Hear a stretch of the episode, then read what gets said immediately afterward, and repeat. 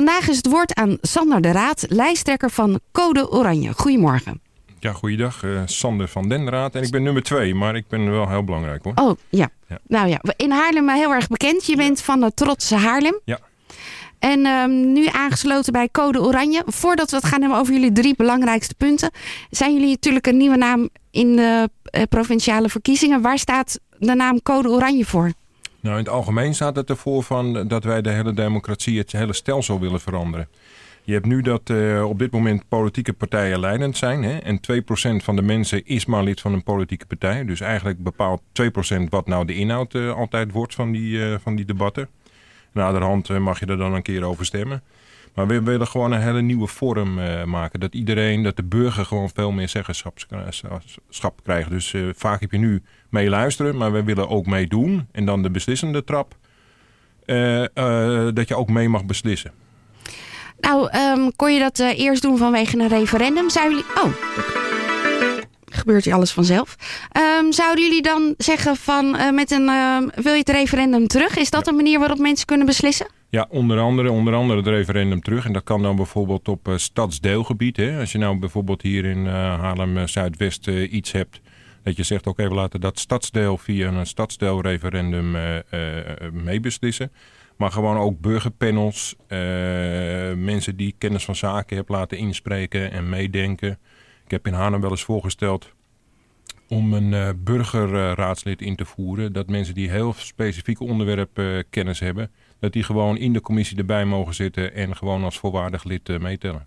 Maar dat is niet goedgekeurd? Nee, dat is niet uh, goedgekeurd. Ergens anders in een andere stad is dat wel goedgekeurd. Dus ik heb hoop dat we hier ooit nog uh, het wel uh, voor elkaar krijgen. Het duurt altijd wel erg lang in Haarlem voor je iets voor elkaar krijgt. Maar als je maar volhoudt, dan lukt het meestal wel. Dus. Lange adem hebben. Ja. Code Oranje. We gaan woensdag stemmen. Wat zijn jullie drie belangrijkste punten? Ja, een beetje dus dat uh, allerbelangrijkste is dat je uiteindelijk mee beslist. Dus dat de, de burger veel meer uh, invloed heeft via bijvoorbeeld burgerpanels en burgerreferendum en andere zaken. sowieso dat de hele structuur van de democratie veranderd wordt. En als derde, wat moet ik daar nog zeggen? Maar dit zijn hele bestuurlijke ja, ja, punten. maar, maar als je nou zegt over... Daar begint het natuurlijk mee. Hè? Kijk, en het is ook niet zo... Nou, wat we specifiek zouden willen hebben... is bijvoorbeeld over eh, de uitbreiding van Schiphol... dat we daar een burgertop over organiseren. En dat dat niet weer besloten wordt landelijk van... Uh... Maar hoe staan, wat is jullie standpunt dan Ons daarin? Het standpunt is dat iedereen daarover moet uh, kunnen meepraten. Maar jullie hebben er zelf geen mening over of Schiphol wel of niet groter moet worden? Nee, nee, want wie ben ik dat ik het beter weet uh, dan iemand anders? Ik ben ook, uh, ik, was, ik, ik ben nog steeds burger natuurlijk, maar omdat ik nou toevallig in die raad zit, dan wordt er gedacht van, uh, oh dat is een raadslid, dus die weet alles. Nee, natuurlijk niet. Ik weet natuurlijk in principe hetzelfde als een andere gemiddelde Nederlander. Alleen focus je af en toe wat op die onderwerpen die spelen. Maar als je gewoon andere mensen ook de kans geeft om daar input over te geven. Maar dat doe ik toch nu als ik op jou stem? Ja. Ja, nee, dat klopt. Als jij op mij stemt. Maar ja, dan kan je dus bij mij eh, en, en Code Oranje... kan je meteen meegeven van welke onderwerpen jij belangrijk vindt.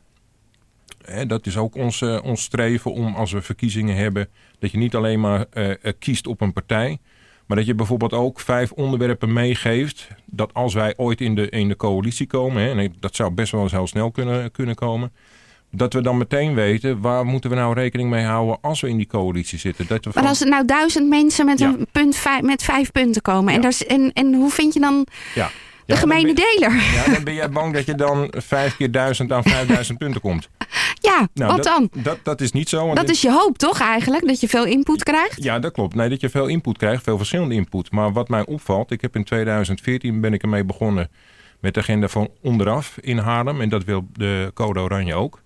In 2018 heb ik dat weer gedaan. En toen heb ik in 2014 gevraagd van, aan ongeveer duizend mensen... van wat is je top drie van belangrijke punten voor Haarlem?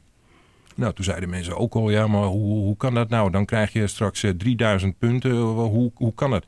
Nou, en dan zie je dat dat helemaal niet zo is. We kwamen ongeveer tot 15, 16 punten. Want heel veel mensen vinden toch dezelfde dingen belangrijk. Goede zorg, schone, schone straat, dat soort dingen. Uh, maar dan heb je wel dus dat je ook uh, mensen krijgt die zeggen... hé, hey, maar ik heb daar wat over gezegd... maar mijn idee om dat op te lossen is dit en dat. Dus dat je dat ook meteen... Dus je wil wel een, een, een, punt van aandacht... maar eigenlijk ook meteen wel een, een idee erbij hoe je het kan oplossen. Niet zo van, nou, hier maak ik me zorgen over, maar de oplossing zoek het maar uit.